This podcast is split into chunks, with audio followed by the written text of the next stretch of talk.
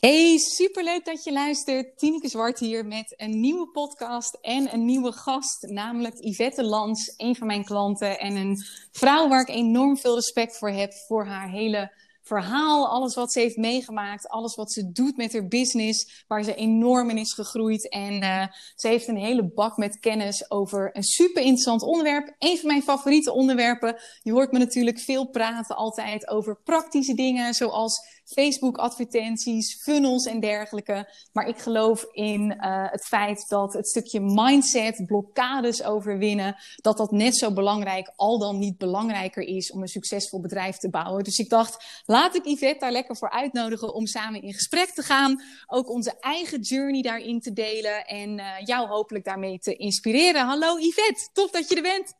Hallo, ja, echt superleuk uh, dat ik in jouw podcast ben. Ik voel me echt vereerd. Ja, ja. leuk man. Nou, ik, uh, ik ben benieuwd waar dit gesprek uh, heen gaat. Ik weet in ieder geval dat je een enorme bak aan kennis hebt. Dus ik ga je lekker veel vragen stellen. Maar laten we eventjes bij het begin beginnen. Kun je jezelf even voorstellen aan de luisteraars? Wie ben je? Wat doe je? En hoe help je jouw doelgroep? Ja, ik ben uh, Yvette Lans. Ik ben 31 jaar en ik ben in oktober met Tineke uh, in gesprek gekomen. Toen ben ik ingestapt in de Business Boost Academy omdat ik uh, vorig jaar vanuit het niets eigenlijk een. Um, ja, ik, ik vertelde mezelf altijd dat ik nooit ondernemer wilde worden. Dat snap ik inmiddels niet meer. Maar ik kreeg dus ineens het idee dat ik dacht: ik wil ook echt mensen gaan helpen als beroep. Um, ik was destijds in loondienst. Ik werkte bij een super toffe start-up waar ik ook echt van alles en nog wat deed. En eigenlijk was dat ook een hele mooie voorbereiding op het ondernemerschap. En toen ben ik begonnen, uh, toen ik met Tineke begon, toen wilde ik werknemers coachen naar een stressvrij leven. En dat, uh, dat kwam best wel uit mijn tenen, omdat ik zelf heel veel stress uh, heb gehad in mijn leven. En toen heb ik begin januari het roer omgegooid en ben ik ondernemers gaan coachen. Nadat ik een uh, hele toffe sessie had met Veronique Prins, uh, de business coach van Tineke, of de voorheen business coach van Tineke. Dat klopt. Ben je net van en... gekomen volgens mij, die sessie? Ja, ja, ja. Nee, het was echt 2,5 uur Veronique. Nou, super waardevol. En die zei echt tegen mij: uh, Joh, Yvette, het plan voor jou gaat helemaal lukken. Maar jij gaat er niet gelukkig van worden, want jij moet echt ondernemers gaan coachen. Ja. En dat voelde ik eigenlijk in mijn tenen. Alleen mijn hele business stond net. En uh, ja. het was wat confronterend om alles weer om te gooien. Um, maar wat ik nu doe, dat doe ik echt met zoveel liefde en plezier. Want uh, ik doe een, ja, een iets andere combinatie dan veel andere coaches. Omdat ik mensen help om minder hard te werken tegelijkertijd wel je bedrijf te laten groeien op een manier die bij jou past, zodat je uiteindelijk meer kan gaan genieten. En ja. uh, dat is bij mij de combinatie tussen uh, zowel mindset, strategie als zelfliefde, omdat je het jezelf ook moet gunnen. Um, om op een gegeven moment de tijd die vrijgekomen is ook echt te gaan benutten om ja. te genieten. Ik zeg dit ook zo vaak tegen mijn klanten, dat het op een gegeven moment niet meer een kwestie is van kunnen of willen, maar echt van gunnen. Jezelf iets ja. gunnen. Ik had toevallig vandaag ook nog een gesprek met een klant en die zei, die, die roept al maanden, ik wil een personal trainer. Uh, dus willen is er al, kunnen kan ze ook, want ze heeft de omzet, maar ze gunt het zichzelf nog niet. Dus daar zit echt ja. zo'n belangrijk onderdeel. Hey, en, en ik wil heel even teruggaan in je verhaal, want jij zegt, ik vertelde mezelf altijd dat ik nooit ondernemer wilde worden. Wanneer kwam die switch? Was dat een bepaalde gebeurtenis? Of ja, wat was dat? Ja, kijk, uiteindelijk kwam ik er zelf achter dat ik gewoon best wel wat hardnekkige overtuigingen had. Um, dus om je even mee terug te nemen in hoe het begon, is dat ik uh, op mijn zeventiende ben ik dus uit huis gegaan. Na het behalen van mijn VWO-diploma ben ik gelijk gaan werken, omdat ik heel graag een eigen plek wilde. En toen was gewoon zekerheid van inkomen voor mij altijd heel belangrijk. En uh, destijds moest ik ook echt wel elk dubbeltje omdraaien om überhaupt uh, mijn rekeningen te kunnen betalen. En eigenlijk is die overtuiging is dus door al die jaren heen steeds sterker geworden. Dat ik uh, heel veel zekerheid wilde, financieel gezien. Terwijl op een gegeven moment kwam corona. Um, nou, als we iets niet meer hadden door corona, was het wel zekerheid. Klopt. en ik werkte bij een bedrijf dat destijds heel erg hard groeide. Alleen toen dacht ik op een gegeven moment van, ja, het, het voelt misschien krom om dan midden in een crisis juist voor jezelf te gaan beginnen. Maar ik ontdekte eigenlijk uh, tijdens die crisis dat een heleboel van mijn overtuigingen gewoon heel oud waren. Dat het echt een oud verhaal was wat ik mezelf vertelde. En uh, de omslag, dat was wel een heel, ja, een beetje suf. We waren een overkapping in de tuin aan het bouwen. Ik had een luisterboek op, Think and Grow Rich, van uh, Napoleon Hill. Daar kwam ik uh, al lezend niet doorheen. En al luisterend wel. En uh, Michael Pilarczyk heeft die ingesproken. En die fluisterde dus in mijn oor. Als jij een goed idee hebt, dan moet je daar wat mee doen. En 15 mei werd ik dus wakker met een bedrijfsnaam. Ah. En ook echt alleen een bedrijfsnaam, de cirkel doorbreken. En die bedrijfsnaam was vrij. En toen dacht ik, wat moet ik hier nou weer mee? en toen heb ik dus alleen de bedrijfsnaam um, vastgelegd. Ja, en toen ging er een balletje rollen in mijn hoofd, wat gewoon niet stopte met rollen. Dus ik ben uh, drie coachingsopleidingen gaan doen. En ik, heb, ik had toen mezelf gezegd dat ik 3 mei 2022 voor mezelf wilde beginnen. Um, want dan had ik nog alle tijd om, nou ja, in mijn hoofd in ieder geval te wennen aan het idee en alles op te zetten. En uh, in september heb ik mijn baan opgezegd. Dus... Bij jou gaat het ook ietsje sneller altijd dan je, dan je verwacht. Hey, en wat, wat, wat, wat, wat maakte dat het zo snel ging? Wat, wat, wat gebeurde er? Had je ineens gewoon het vertrouwen? Wat, wat, wat veranderde er? Ja, kijk, ik, wat ik eigenlijk dus al heel lang deed in mijn leven, is mensen helpen. Alleen dan gratis, gewoon vanuit een passie die ik heb. Omdat ik gewoon heel veel mensen om me heen zie die gewoon heel erg struggelen met hun eigen gedachten.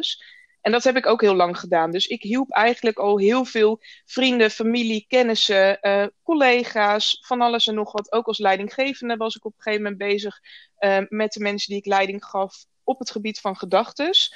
Um, en op een gegeven moment besefte ik me van, joh, maar waarom zou je dit niet gewoon uh, ja, hier je, je werk van gaan maken? Klopt, ja. En um, ik geloof ook altijd dat alles gebeurt om een reden. Dus nu snap ik echt niet dat ik 14 jaar in loondienst heb gewerkt. Uh, aan de andere kant was ik er vijf jaar geleden, zat ik ook in een hele andere positie, waardoor ik ook echt minder klaar voor was dan nu. Ja. Maar ja, het klikte ineens in mijn hoofd dat ik dacht van, maar ik kan ook gewoon mensen gaan helpen en daar mijn beroep ja. van gaan maken. Uh, in plaats van in die IT werken, wat ik super tof vond. Maar dat is toch anders. Ja, en eigenlijk uh, wat jij hebt gedaan is, je bent gewoon blijven doen wat je al deed. Maar je bent er gewoon geld voor gaan vragen ook. En je hebt een ja. bredere doelgroep. Ja. Dat is heel vaak zo, hè. Weet je, mensen die, die kunnen soms ook heel moeilijk doen over een bedrijfsidee. En dan denken ze dat ze daar echt uren of maanden of dagen voor achter de tekentafel moeten zitten. Maar vaak komt het plotseling tot je. En ligt het ook nog veel dichterbij dan je denkt. Is het vaak iets wat je standaard al doet, uh, wat je hobby is, waarvan je bijna denkt, maar hier kun je toch geen geld mee verdienen. Het is toch te leuk om een werk van te maken. Maar zo simpel is het uh, meestal. Hey, en, en Yvette, ja. jij hebt het over uh, overtuigingen. En wij hebben het daar samen ook wel eens over dat dat gewoon, ja, ik geloof dat dat het allerbelangrijkste is voor een succesvol leven, voor een succesvol um, bedrijf ook uiteindelijk. Maar kun je ja. eens iets delen over de overtuigingen? Die jij dan bijvoorbeeld ziet bij zowel jezelf als ook bij je klanten? Wat, wat, wat zie je daar en waar komen die overtuigingen vandaan? Ja, nou de meeste overtuigingen die zijn best wel heel erg oud. Dus ik had toevallig uh, vanochtend ook iemand aan de lijn um, voor een gratis sessie. En dan merk je toch in zo'n sessie al dat een heleboel overtuigingen echt al heel jong zijn ontstaan. En um, bij mij zit er een hele hardnekkige overtuiging uh, dat ik bijvoorbeeld alles zelf wil doen. Dus dat ik mij succesvol voel als ik dingen zelf doe. En dat heeft er bij mij toe geresulteerd dat ik dus in mijn leven ook alles zelf heb willen doen. Um, het ook heel moeilijk vond om hulp te vragen. En bijvoorbeeld een hele traumatische jeugd heb gehad, maar zelfs al mijn trauma's zelf heb verwerkt zonder therapie of psycholoog. En pas toen ik uh, um, in de BBA ben gestapt, merkte ik dus hoe ongelooflijk fijn het is om zelf ook hulp te krijgen. Ja. En gisteren uh, stelde Larissa Kaashoek, die uh, heeft voor mij dan About You video opgenomen, die, die vroeg mij ook van, maar waarom wil je nou zo graag mensen helpen? Ja, dat is dus ook omdat ik zelf nooit mezelf die, die hulp heb gegund. Ja. Um, en ook weet hoe ongelooflijk zwaar dat is en hoeveel verder je komt als je het samen doet. Ja, ik herken dus, die heel erg ook. Dat is bij mij ook de, de, een van de sterkste geweest. Ik moet het zelf doen. En ik weet niet of jij weet waar die bij jou vandaan komt. Bij mij was het vooral omdat ik, ik ben de oudste thuis. En um, mijn, mijn zusjes die hadden vaak ook iets meer aandacht nodig voor bepaalde dingetjes. En ik redde me altijd wel. En weet je, ik wilde ook niemand tot last zijn. En weet je, ik moest het zelf doen. Dat, dat, dat kwam er al jong bij mij in, ondanks dat mijn ouders dat helemaal niet stimuleerden of iets dergelijks. Wat, weet je waar die bij jou vandaan is gekomen? Ja, ja, het is bij mij ook wel. Ik, ik heb ook heel veel dingen zelf gedaan. Ehm, en ik kom ook uit een thuissituatie waarbij er dus altijd heel erg hard werd uh, gewerkt. Door uh, allebei uh, de ouders. Waardoor er ook eigenlijk heel weinig um, nou, eigenlijk heel weinig tijd was ook voor mij. Dus ik voelde ook altijd een bepaalde verantwoordelijkheid om binnen het gezin, zeg maar, dingen aan elkaar vast te lijmen, uh, ruzies op te lossen, van alles te sussen. Dus ik heb altijd daar een heel groot verantwoordelijkheidsgevoel voor gehad. En um, ja, als je dan op een gegeven moment ook op, op vrij jonge leeftijd, op je zeventiende, al financieel onafhankelijk bent, dan wordt dat natuurlijk alleen maar sterker, dat zelf ja. doen. Dus je gaat ook letterlijk dan alles zelf doen. Um, maar dat, dat, dat zaadje is eigenlijk wel heel jong ook uh, geplant. En dat zie je heel vaak gebeuren met overtuigingen. Klopt, ja, de meeste die worden ook al tussen je nulde en je zevende levensjaar, uh, lees ik altijd, dat de meest diepe overtuigingen, die zitten dan in je. En die domineren dus nog steeds je gedrag vandaag de dag vaak. Ja. Want, want als we het dan hebben ja. over bijvoorbeeld de overtuigingen bij jouw uh, doelgroep, wat, wat zie je daar vaak? Ja, vaak hebben ze wel echt de overtuiging dat ze hard moeten werken. Dus dat zit er vaak wel heel erg diep in. Dat ze het gevoel hebben dat ze gewoon vals spelen als ze zeg maar minder hard gaan werken en dat hun bedrijf dan nog steeds groeit. Dat klopt ergens niet in hun hoofd. Maar ook gewoon de overtuiging, en, en, en dat doet mij altijd best wel veel pijn als ik dat zie, uh, dat ze gewoon echt heel weinig zelfliefde hebben. Dus ik ben niet goed genoeg, ik doe het niet goed genoeg, of ik ben niet bijzonder in wat ik doe en dat zijn altijd wel dingen, uh, daarom pak ik dus ook dat stuk zelfliefde mee. Ja, dat komt vaak ook al vanaf een hele jonge leeftijd. Ja. En uh, dat heeft ongelooflijk veel impact op je business. Klopt. En weet je wat ik zelf vaak zie? Ik ben benieuwd of jij dat ook ziet bij jouw klanten. Dat, dat mensen hun business gebruiken om zichzelf af te straffen. En, en voor de luisteraar, ik, ik zal dat iets beter ook nog uitleggen. Ik zie bijvoorbeeld vaak dat, dat zie ik veel bij mijn klanten ook, dat ze vroeger bijvoorbeeld weinig bevestiging kregen van hun ouders. Dus nooit een ouder die zei, ik hou van je, of ik ben trots op je, het, moet al, het moest altijd meer. Of iemand werd gewoon totaal niet gezien, iemand werd letterlijk irritant bevonden. En wat ze dan doen, is heel vaak in dat bedrijf zoeken ze diezelfde bevestiging dat ze dus niet goed genoeg zijn. Dat ze dus het niet waard zijn om van gehouden te worden of iets dergelijks. En dan hebben ze ook de neiging om heel erg te gaan kijken naar alles wat nog niet goed is. Of de focus te leggen op die ene volger die uh, je is gaan ontvolgen. In plaats van die tien die erbij zijn gekomen. Continu om maar weer dat verhaal in je hoofd kloppend te maken. Ik doe er niet toe. Mensen vinden mij stom. Uh, ik ben niet goed in wat ik doe. En, en daardoor gaat je brein steeds maar kijken naar alles wat dat ook weer bevestigt En ik ben wel benieuwd, Yvette, of, herken je dat bij je klanten of misschien zelfs bij jezelf? Ja, ja, zeker. Want wat je zegt, dat klopt. Hè? Die overtuigingen, die zijn vaak zo hardnekkig, omdat het dus heel erg in je onderbewustzijn zit. Dus je bent constant onderbewust aan het zoeken naar bevestiging voor die overtuiging. Dus um, bewustzijn is altijd een hele mooie eerste stap omdat een heleboel mensen zich daar ook niet heel erg bewust van zijn. En dan blijf je dus eigenlijk constant tegen diezelfde patronen aanlopen. Ja. En wat bij mij bijvoorbeeld nu heel erg speelt, en uh, waar ik ook echt hard mee bezig ben, is dat ik nog niet helemaal geloof dat het ook zo makkelijk en moeiteloos kan ja. gaan. Um, dus ik heb ook best wel een uitdagend leven achter de rug. En um, telkens als iets heel erg goed ging, dan uh, ging er iemand dood, of iemand werd ziek, of, of daar gebeurde iets verschrikkelijks, of ik kreeg een auto-ongeluk, of nou, van alles en nog wat.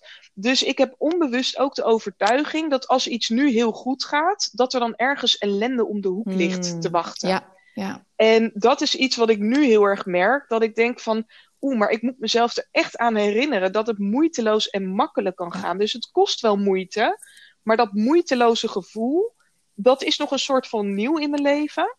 Um, en ik ben mezelf dus echt aan het herprogrammeren dat het dus ook makkelijk en moeiteloos ja. kan gaan. En dat, dat, zie ik echt wel bij veel ondernemers. Nou, en dat het ook makkelijk en moeiteloos mag blijven gaan. Want uh, wat ik vaak ja. ook zie is bij ondernemers, en dat, kan ik voor mezelf ook wel eens creëren, is dat het een tijdje dus heel moeiteloos, heel makkelijk gaat. En dan creëer ik vaak zelfs onbewust zelf weer een situatie, of dat zie ik dus bij klanten, waardoor het dus even niet meer zo makkelijk of moeiteloos gaat. En eigenlijk kun je dat prima volhouden, maar dan doen mensen dus zelf iets waardoor er verwarring ontstaat opeens. Dan, dan gaan ze in één keer sleutelen aan iets wat eigenlijk hartstikke goed werkt. En dan komt er een of ander bullshit verhaal, waardoor ze iets kapot gaan maken, als het ware. Of het moeilijker maken of iets dergelijks. Hey, en, en, en jij zegt nu um, dat stukje bewustwording is heel belangrijk. En ik werk zelf dan aan het doorbreken ook van die patronen. Um, wat ik vaak merk bij mensen is dat ze dat lastig vinden. Want, want hoe word je je nou bewust van je overtuigingen? En hoe doorbreek je ze vervolgens? Hoe, hoe doe jij dat? Want ik weet dat je lekker praktisch ook bent. Wat, wat is jouw aanpak? Ja, nou, het mooie daarvan is dat ik ben opgeleid tot emotiecoach. En um, wat een heleboel mensen niet weten, en wat ik dus zelf vroeger ook nooit wist, is dat jouw emoties jou precies komen vertellen uh, welke overtuigingen jij hebt. Um, want hoe het namelijk werkt, op het moment dat jij iets denkt wat niet goed is voor jou, dan merk je dat direct in een vorm van emotie. En dat werkt dus ook in positieve zin. Dus op het moment dat jij je heel blij voelt, dan, of als je liefde of vreugde ervaart, allemaal hele fijne emoties, dan wordt dat getriggerd door een gedachte die je net had. En dat werkt dus ook zo met de uh, overtuigingen die jou eigenlijk belemmeren. Dus jouw lichaam geeft direct aan op het moment dat jij iets denkt wat niet goed is voor jou. Dus um, stel jij ervaart bijvoorbeeld teleurstelling, dan zat er een gedachte aan vooraf en die gedachte triggert die teleurstelling. Nou, wat heel veel mensen ook niet weten, is dat die emotie maximaal 90 seconden duurt. Dus die emoties mogen er absoluut zijn. Maar op het moment dat die langer dan 90 seconden duurt, dan hou jij dus vast aan een verhaal wat helemaal niet goed is voor jou. En zo kan je dus heel snel eigenlijk gaan herkennen van, oh, ik voel iets. Wat dacht ik nou net, wat dat gevoel heeft veroorzaakt? En in geval van teleurstelling zijn het bijvoorbeeld vaak uh, verwachtingen die te hoog zijn, of simpelweg gewoon de realiteit niet willen accepteren zoals die is. Ja. Dan ga je het proberen te veranderen, dan ontstaat die teleurstelling. Maar je kan dus een soort van reversed engineering uh, vanuit je emotie erachter komen welke overtuiging dat had getriggerd. Ja, hele goeie. En um, ik, kende deze oefening en die pas ik zelf ook vaak toe. En wat ik ook nog vaak doe, en dat doe ik eigenlijk elke maandag, omdat ik weet dat dit een van de belangrijkste dingen is om, uh, om je business te bouwen zoals je wilt dat die is. En ook je leven zelfs. Is kijken naar mijn huidige realiteit. Want ik weet dat mijn realiteit is niks anders dan vaak een gevolg, in ieder geval voor 90% van mijn gedrag. En mijn gedrag is weer een gevolg van mijn overtuigingen. Dus ik kijk dan, oké, mijn huidige realiteit is dat ik dus bijvoorbeeld ervaar dat ik heel hard werk, of dat ik ervaar dat uh, ik moeite heb om klanten aan te trekken, of ik ervaar nu dat ik dus een bepaalde hele hoge omzet heb, maar het is ook weer moeite om het weer naar een next level te trekken. En dan ga ik terugdenken aan, oké, welke overtuiging zou daar dan onder liggen om deze realiteit te kunnen manifesteren, als het ware. Dus als je ziet uh, dat je moeite hebt om een aanbod te doen en daardoor dus ook geen klanten uh, hebt of weinig, dan zit de overtuiging er vaak onder: sales is vervelend. Mensen vinden me irritant als ja. ik ga verkopen. Dus uh, dat is iets wat mij ook heel erg helpt. Hey, en kijk, dan komt het volgende punt, want bewustwording is natuurlijk altijd stap 1, meest belangrijk, maar daarna is het het doorbre doorbreken. Dat is nog belangrijker, maar ook vaak nog moeilijker. Hoe, hoe pak jij dat op ja. voor jezelf? Ja, kijk, daarbij gebruik ik wel echt uh, de methode van Byron Katie, de work. Dat vind ik echt een briljante methode om überhaupt te gaan onderzoeken wat er nou waar is en wat er nou niet waar is. Dus op een gegeven moment pak ik dan zo'n overtuiging en dan ga ik hem echt afpellen. Dus dan begin ik op een gegeven moment de vraag van, joh, is dit waar? Nou, onbewust zegt jouw onderbewustzijn gelijk van, joh, dit is waar. Hè? Ik bedoel, ik geloof dat. En dan ga je op een gegeven moment jezelf afvragen van, joh, uh, kan ik 100% zeker weten dat dit waar is? Dan begin je vaak al te twijfelen. En dan is het eigenlijk heel simpel. Hoe voel jij je als je die gedachte blijft geloven of als je die overtuiging blijft hebben? Nou, vaak voel je je dan gewoon niet prettig. Dat merk je dus ook direct aan je emoties. En dan is het de vraag van, maar hoe voel je je op het moment dat jij besluit die gedachte niet meer te geloven? Nou, en op het moment dat dat lukt, en jij besluit dus dat je die overtuiging en die gedachten niet meer gelooft, um, dan breekt er op een gegeven moment wat open. Alleen wat er dan gebeurt, is dat jouw onderbewustzijn, die gelooft nog steeds die overtuiging. Dus je moet nog steeds heel erg hard gaan werken om ervoor te zorgen dat, dat die overtuiging oplost.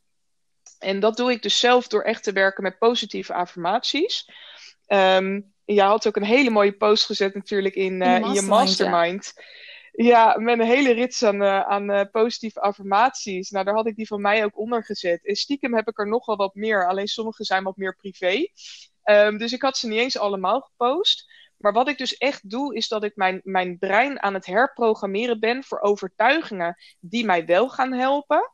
En dat ik op een gegeven moment dus ook heel erg hard mijn gedachten train. Van joh, ik heb ze wel, maar ik geloof ze niet. Ik ga er gewoon niet meer in mee. Ja, want, want waar jij het ook nog over hebt, uh, is, is dit waar? En wat ik voor mezelf altijd denk is, is er überhaupt iets waar? Is er echt een waarheid? En ik geloof dat dat er eigenlijk niet echt is. Vooral niet met overtuigingen. Dat alles een soort van multidimensionaal is. En dat alles vanuit een bepaald perspectief waar is. En vanuit een ander perspectief dus niet waar. En ik probeer zelf dan ook altijd te zorgen dat ik gewoon de overtuiging kies. Dat ik die mezelf aanleer. Die me dienen. Dus uh, één overtuiging die ik bijvoorbeeld zelf vaak zie bij mijn klanten. Is dat ze, ze willen eigenlijk heel graag online trainingen verkopen. Maar tegelijkertijd is er de overtuiging. Dat vinden mensen niet waardevol. Want er moet één op één coaching in zitten. En dat is waar ja. voor een groep mensen. Want er zijn ook mensen die volgen geen online trainingen. Want die vinden dat er één op één in moet zitten. En tegelijkertijd is het ook waar dat er een hele grote groep mensen is voor wie juist het feit dat er geen één op één coaching in zit waardevol is, omdat het anders te duur was geweest of te confronterend misschien of uh, gewoon überhaupt niet prettig. Dus uh, wat ik altijd zo cool vind is dat je gewoon in deze realiteit waarin we leven, uh, dat je eigenlijk je eigen waarheid steeds kunt creëren. Hoe, hoe zie jij dat, Yvette? Ja, ja, dat is ook echt zo. Daar ben ik ook echt heilig van overtuigd. Ik, ik geloof in die zin ook gewoon dat het leven maakbaar is. En ik snap ook wel dat dat bij sommige mensen niet zo voelt. Um, maar ik ben van twee dingen heilig overtuigd. En dat alles gebeurt uh, in je leven om een reden. Uh, dat heeft mij in ieder geval altijd heel veel houvast gegeven. En dat is tot nu toe ook altijd gelukt. Hoe pittig het soms ook was. Um, maar tegelijkertijd geloof ik ook oprecht dat je dus zelf kan kiezen wat jij gelooft. En dat daardoor dus ook een heleboel dingen maakbaar ja. worden. Alleen het is best hard werken om uh, je overtuigingen ook te doorbreken. Dus hoe ik bijvoorbeeld mijn klanten daarbij help, is dat zij een audiobestand hebben van drie minuten, die ze ochtends kunnen luisteren, waar ook echt zinnetjes in staan die zij dan zelf herhalen. En dat zijn echt zinnetjes van, joh, ik vertrouw erop dat mijn bedrijf kan groeien als ik een stapje terug doe. Maar ook, ik ben trots op waar ik nu sta. Ja. En ik vertrouw erop dat ik precies op de juiste weg ben, op precies het juiste moment. Dus het is op een gegeven moment ook gewoon het vertrouwen hebben uh, dat je op dit moment ook gewoon goed bezig bent. Of dat je de lessen krijgt uh, die ervoor gaan zorgen dat jij weer gaat groeien. Klopt, ja. Ik heb laatst ook bij uh, Romy Nijkamp een RTT-sessie gedaan. Dat staat voor Rapid Transformational Therapy. En dat was eerst een sessie gewoon bij haar uh, thuis. En toen daarna nog echt drie weken lang een bepaald audiobericht. Ook met bepaalde affirmaties en dergelijke. En dat heeft zo'n enorme impact. Vooral ook, merk ik, als je het ochtends vlak nadat je wakker bent geworden... of s'avonds vlak nadat je gaat slapen. Als je dan naar dat soort dingen gaat luisteren luisteren of voor jezelf gaat herhalen. Want dan bevinden je hersenen zich ook in een bepaalde staat van zijn. Dat noemen ze theta-golven. En dan kun je jezelf makkelijker programmeren. Ja. Kun je makkelijker connecten met je onderbewuste. Hey, en en um, jij ja. zegt, jij zei net, uh, ik geloof dat het leven maakbaar is. Toch zijn er bepaalde situaties in jouw leven geweest, bijvoorbeeld ook het overlijden van je vader, wat enorm veel pijn gewoon moet hebben gedaan. Kon je op zo'n moment geloven je toen nog steeds dat het leven maakbaar is? Of, of hoe heb je dat toen een soort van toegepast? Ja, nou nog even trouwens leuk om te noemen. Ik ben maandag ook bij Romy. Oh, um, ja. want ik heb ook gewoon nog steeds overtuigingen zitten. Dus maandag heb ik ook een RTT-sessie. Echt uh, super veel zin in ook. Um, maar um, terugkomend op jouw vraag. het mooie is, omdat ik dus eigenlijk al sinds mijn zeventiende bezig ben met mijn persoonlijke ontwikkeling. dat ik ook heel diep al geprogrammeerd ben. Dus toen ik te horen kreeg dat mijn biologische, uh, tenminste, ik kende mijn biologische vader, lang verhaal, maar ik kende hem eigenlijk pas een paar maanden toen ik kreeg te horen dat hij ongeneeslijk ziek was. En dat was ongelooflijk heftig op dat moment, want het bleek echt een fantastische man te zijn, terwijl ik zelf uit een uh, ja, vrij onrustig gezin kwam vroeger. Um, en wat ik op dat moment heb gedaan, en dat doe ik met alles in het leven, is dat ik vol voor iets ga. En uh, dat betekent op, op dat moment ook, mijn moeder vroeg me te kiezen tussen mijn vader en mijn moeder, ook een lang verhaal. Ik koos toen voor mijn vader. Ik heb er toen alles aan gedaan om alles op dat moment nog uit de tijd te halen die wij hadden. Um, ik ben dus ook eigenlijk, uh, ja, eigenlijk ben ik de enige die heel weinig last heeft van zijn overlijden. Dus het was um, uh, pas geleden, was het vier jaar geleden dat hij uh, is overleden. Toen heb ik ook echt uit de grond van meteen een IGTV opgenomen. Um, dat ik zo dankbaar ben voor mijn leven, dat ik ook alles eruit haal. En dat ik ook graag zou willen dat mensen dat ook doen. Dus terugkomend op jouw vraag, heeft het dus. Um, het, het was een. Ja, dat klinkt gek. Het was op een gegeven moment een voldaan gevoel. Omdat hij de laatste anderhalf jaar gewoon geen kwaliteit van leven meer had. Dus hij wilde ook echt niet meer. Um, doordat ik alles heb gegeven, voelde het dus ook echt. Uh, het voelde gewoon heel ja, goed. Snap ik, ja. En ja, ik, ik, ik, ik was op een gegeven moment heel dankbaar dat hij letterlijk uit zijn lijden was Ja. verlost. Ik ben vandaag de dag dankbaar dat hij deze crisis niet meemaakt. Omdat hij, nou, ik, ik heb mijn karakter een beetje van mijn vader. dus hij, hij, hij had hier duizend meningen over.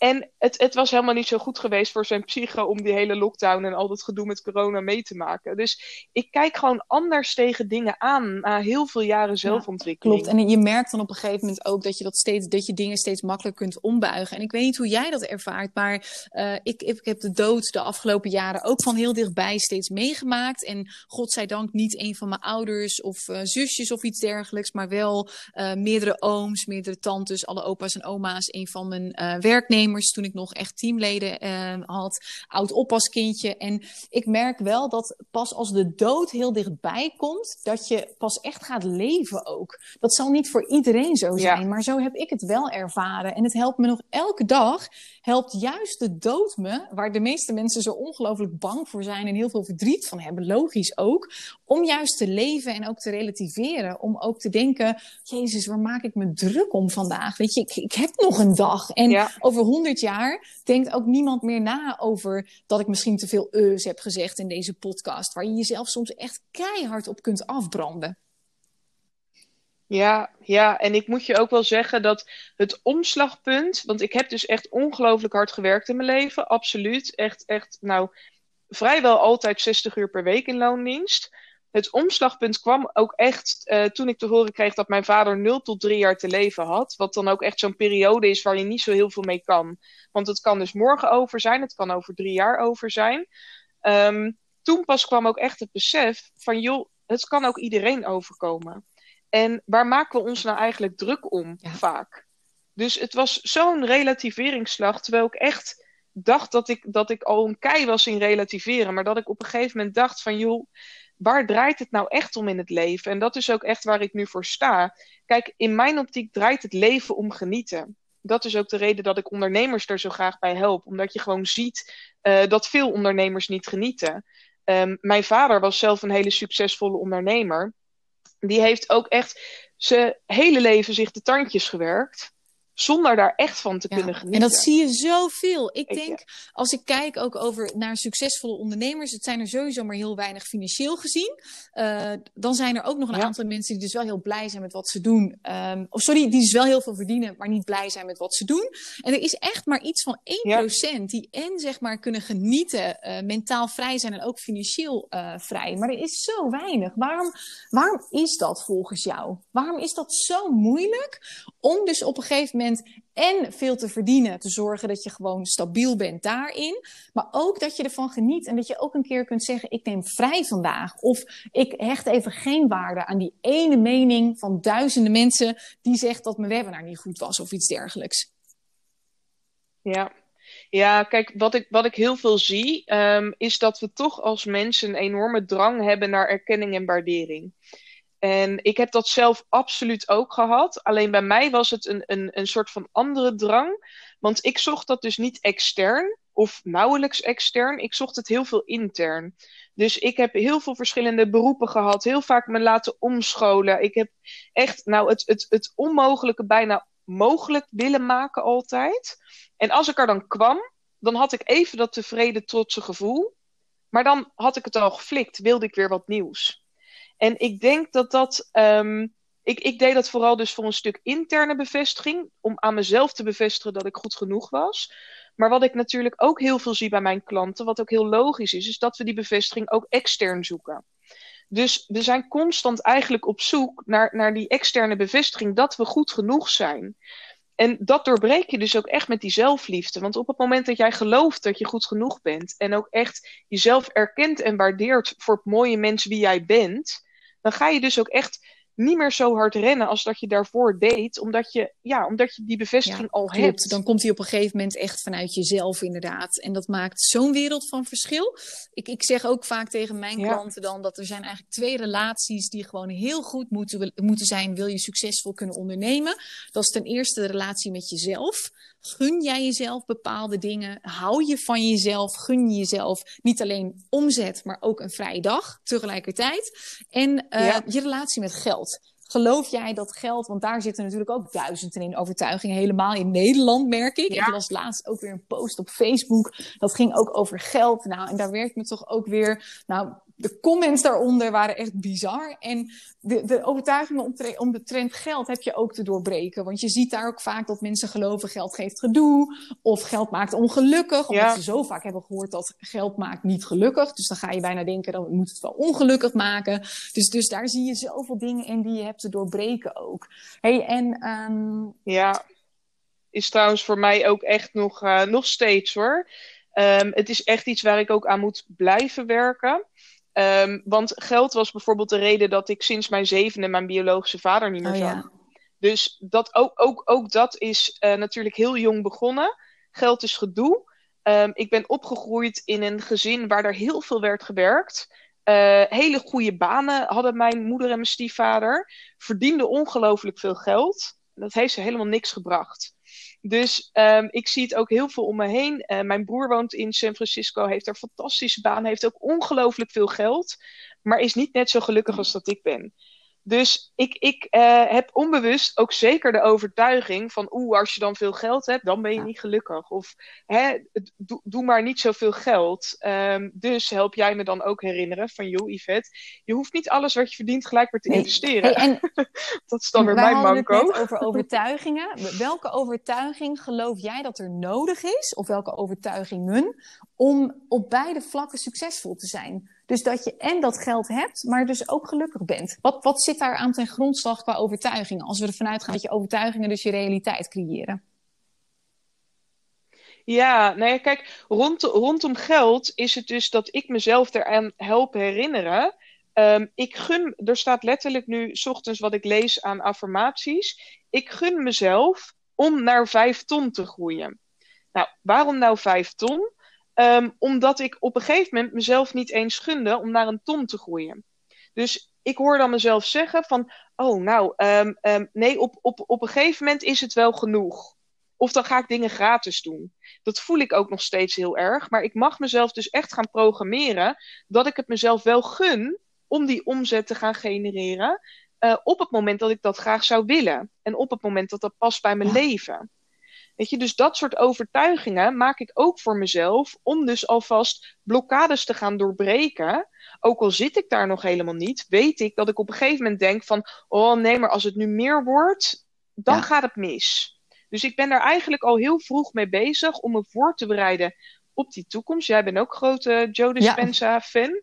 Ja. Uh, door dus die neurologische paden alvast te gaan creëren, dat ik het mezelf ook gun zorg ik er ook voor dat ik, dat, ik, dat ik niet zo snel tegen dat soort blokkades ga aanlopen op het moment dat het ja, steeds harder ja. Wat dat betreft is het eigenlijk het lekker. Over vijf jaar, zodat je in ieder geval die, die paden al vrijmaakt. En dat je niet dus zo keihard tegen een bepaalde blokkade aanloopt. Ja, ja want, want um, mijn overtuiging is dus echt dat ik, ja. uh, uh, dat ik niet veel geld hoef te verdienen. Maar um, inmiddels snap ik gewoon dat je dus ook gewoon door de podcast die ik luister, en volgens mij heb ik jou dat ook al heel vaak horen zeggen. Precies. Je kan zoveel mooie en dingen je, wat doen mij op een gegeven moment ook weer holp, was het geld niet eens zozeer meer voor mezelf verdienen. Want ik had op een gegeven moment ook zoveel geld dat ik dacht, ik weet niet meer wat ik er zelf mee moet, weet je wel. En voor mezelf hoef ik het niet meer te verdienen. Maar er is altijd, zijn er familieleden die je daar nog in kunnen motiveren. Of nu geef ik elke maand nog veel meer geld aan goede doelen. Uh, weet je, ik, ik steun bijvoorbeeld een organisatie, Tsiba heette zij. Nou, zij helpen met armoede ook in Zuid-Afrika. Uh, er zijn heel veel ondernemers nu die geen geld hebben. Weet je, als, het, als jij de controle hebt over geld en jij bent een goed Ja. mens en geld is alleen maar een amplifier, dus het versterkt toch al bestaand gedrag, dan kun je er zoveel prachtige dingen mee doen. En ik geloof zelfs dat je tot een bepaalde mate kunt zeggen Ja. dat geld wel gelukkig maakt. Want Tony Robbins zegt altijd: The secret of living is giving. Uh, nu geloof ik ook dat het, het geheim van het leven ontvangen is. Dus jezelf dingen gunnen. Maar ik geloof wel dat je met, met geld, met behulp van geld, kun Ja. je vaak nog veel mooiere dingen geven. Grotere dingen en uh, nog meer geven. Dus op een bepaalde manier heeft het ook weer wel een relatie met je geluksniveau. Ja, nou ja, kijk, om dan nog een klein voorbeeld te geven. Ik had dus vanmiddag ook nog een call uh, met een dame. Die had een uh, gratis doorbraaksessie gewonnen. En uh, in eerste instantie zou je misschien op basis van de antwoorden die ze zou geven, uh, zou je misschien denken van, oh, nou, die, die selecteer ik niet, omdat het niet mijn ideale klant is. Um, maar goed, ik heb echt een, een, een heel groot hart uh, wat dat betreft. Dus ik heb ook meerdere mensen geselecteerd deze maand. Nou, die dame spreek ik. Die loopt dus echt vast in haar hoofd.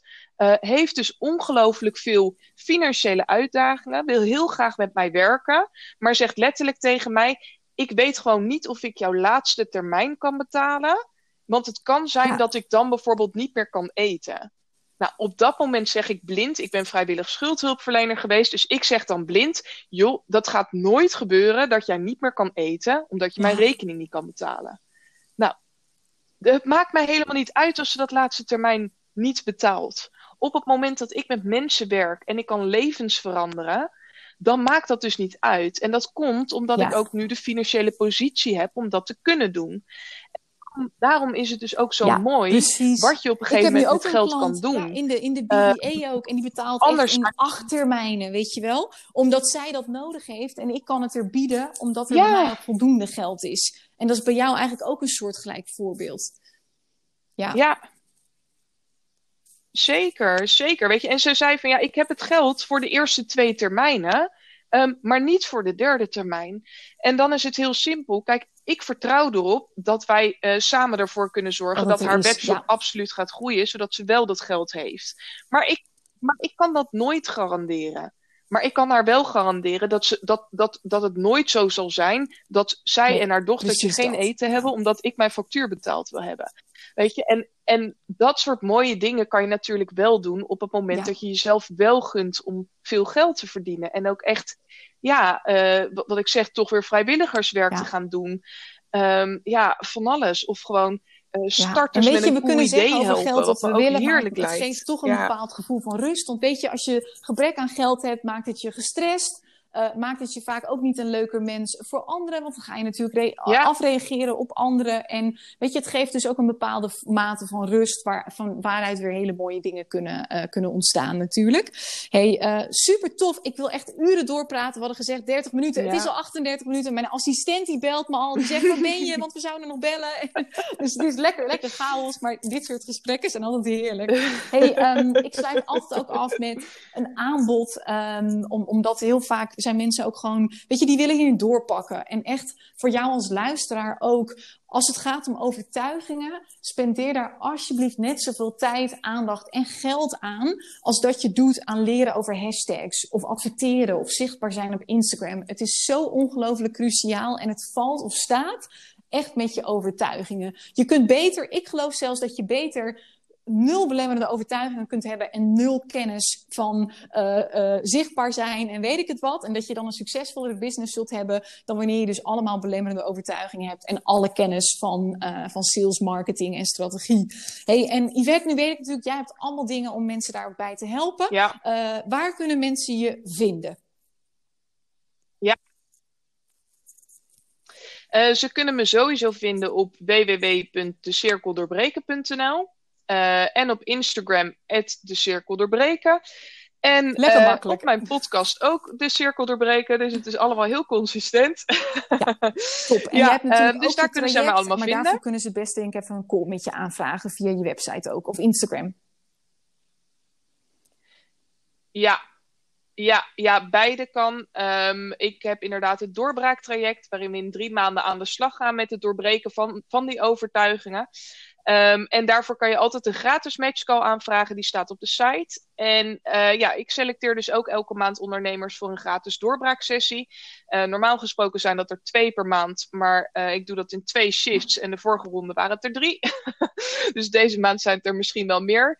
Maar ik kijk daarbij ook echt naar het verhaal wat je geeft. Dus het zijn een aantal vragen die je moet beantwoorden. En op het moment dat ik voel, als mijn hart voelt, dat ja, ik jou kan helpen tof. met een gratis doorbraaksessie. Superleuk. Hey, dankjewel dat, dat, je er was en dus, dat je dit allemaal ja. hebt gedeeld. Ook over je eigen persoonlijke verhaal. Dankjewel voor de luisteraar dat je er was, dat je tot het einde bent gebleven. En dan tot de volgende podcast. Ja, jij dankjewel voor de uitnodiging. Superleuk om ook een keer ergens te gast te zijn. Doei doei.